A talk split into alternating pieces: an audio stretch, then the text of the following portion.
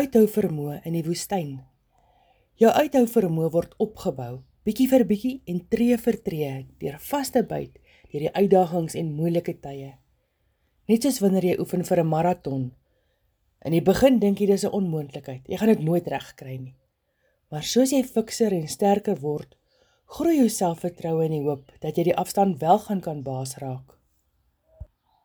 Die lewe is vol maratons wat ons moet aflê. Soms is dit een van ons ouers se swak gesondheid wat 'n mens emosioneel en fisies dreineer.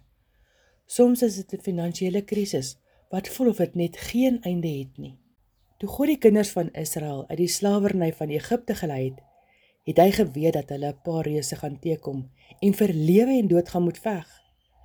Daarom het hulle na die woestyn gelei om hulle eerstens uithou vermoë te leer.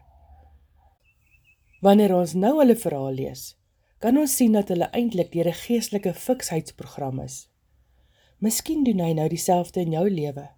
God lei jou dalk juis nou deur hierdie beproewing omdat hy weet watter groot gevegte vir jou voorlê. Gaan jy hom vertrou? Eendag gaan jy kan terugkyk en presies sien wat hy vir jou in gedagte gehad het. Psalm 55 vers 23. Gee jou kommer oor aan die Here. Hy sal vir jou sorg. Hy sal gelowiges nie teleurstel nie. Seëngroete van Revival Suid-Afrika.